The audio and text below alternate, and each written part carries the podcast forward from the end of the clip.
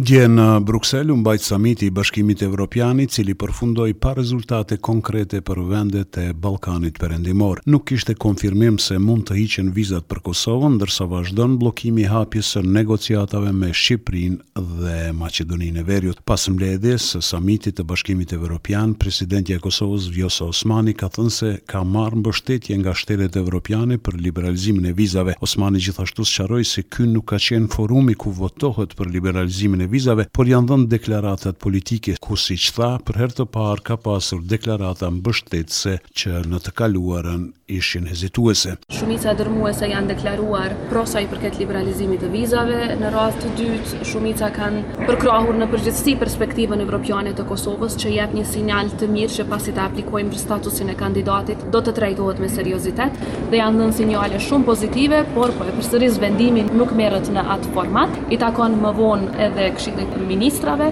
Përveç deklaratave kemi nevojë për veprime konkrete. Kemi nevojë për votim dhe kemi nevojë që të ecim përpara.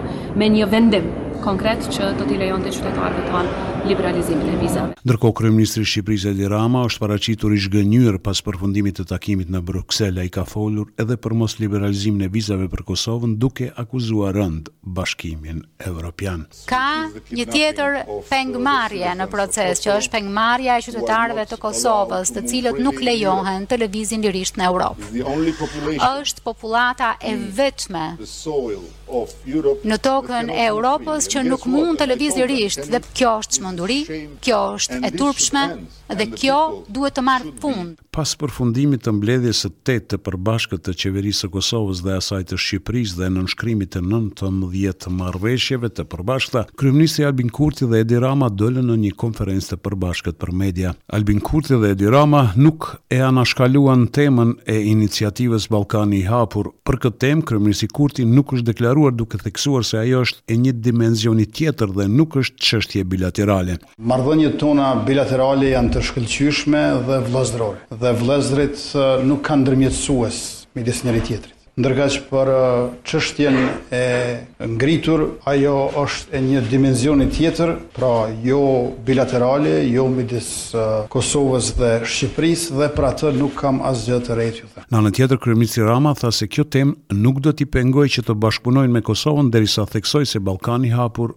nuk është tema që i ndan. Është e vërtetë që Ballkani i Hapur nuk na bashkon, por ama është po kaq e vërtetë që Ballkani i Hapur nuk na ndan, që do të thotë që në këtë pikë kemi këndvështrime të ndryshme, ky nuk është sekret. Në konferencën për media, kryeministri i Kosovës ka deklaruar se thellimi i bashkëpunimit ndërmjet Kosovës dhe Shqipërisë është i domosdoshëm, derisa duke folur për bashkëpunime të shumta tregtare investime, theksoi se projekti i hekurudhës Durrës-Prishtinë është ndër projektet më të mëdha dhe më të rëndësishme. Kjo hekurudhë do ta lidhë Kosovën me korridoret që kalojnë pranë nesh, por nuk janë të lidhura me ne, do t'i bashkojë edhe më fort ekonomitë tona dhe do të rrisë lëvizshmërinë dhe lidhshmërinë ndërmjet republikave tona. Ndërsa kryeministri i Shqipërisë, Edi Rama, tha se me qeverinë Kurti kanë shkallën më të lartë të zbatimit të marrëveshjeve të nënshkruara, derisa theksoi se ai nuk ka asnjë interes të përfshihet në politikën ditore. në Kosovë. Rama tutje ka deklaruar para mediave se rajonit nuk i duhet një Serbi e radikalizuar derisa shtoi se duhet bërë çmos që kjo pjesë e Evropës të integrohet sa më parë. Unë nuk hyj në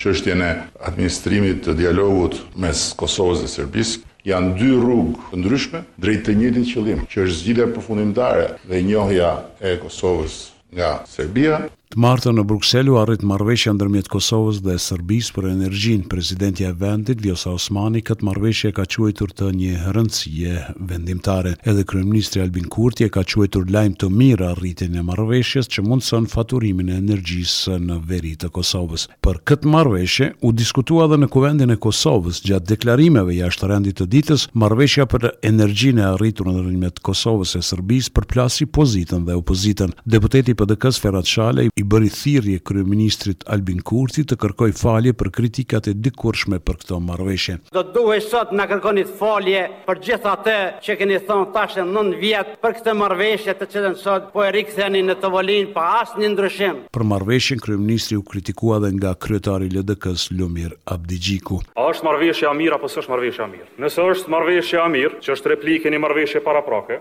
atëherë me drejtë dhe mund t'i shtrosh argumentet se po po kthehet legjitimiteti në veri e po mblidhen tyrat në veri pas njëzet viteve. Por nëse marrëveshja s'është e mirë, atëherë duhet të flasim për legalizimin e Serbisë, po të citoj, në Kosovë dhe në veri. Kritikave iu përgjigj kryeministri Albin Kurti duke thënë se marrëveshjet si probleme i trashëgojnë nga qeveritë e kaluara. Ato nuk ishin marrëveshje të mira, por ato i trashëguam edhe i gjetëm. Kur u bëra kryeministër i Republikës së Kosovës e gjeta KEDS-in edhe KESKO-n. Po të isha më herët unë kryeministër i Republikës së Kosovës nuk do të kishte KEDS edhe KESKO, por monopoli publik është bërë monopol privat, Dhe unë tash duhet të komunikoj e të bashkëpunoj me KEDS-in edhe me KESKO-n. Ndërkaq sot Zyra e Rregullatorit të Energjisë në Kosovë ka licencuar kompaninë Elektrosever që të menaxhojë sistemin energjetik në katër komunat veriore të Kosovës. Elektrosever është në pronësi të kompanisë energjetike të Serbisë, por në Kosovë është themeluar me ligjet të Kosovës. Ministria e Shëndetësisë ka bërë të ditur se gjatë njëzet e katër orëve të fundit në Kosovë janë regjistruar tridhjetë e tetë raste të reja me Covid nëntëmbëdhjetë. Sipas njoftimit nuk është shënuar asnjë rast i vdekjes, ndërkohë numri i rasteve aktive aktualisht është njëqind e tetëdhjetë e nëntë. Për Radion SBS Mendu Hysa, Prishtinë.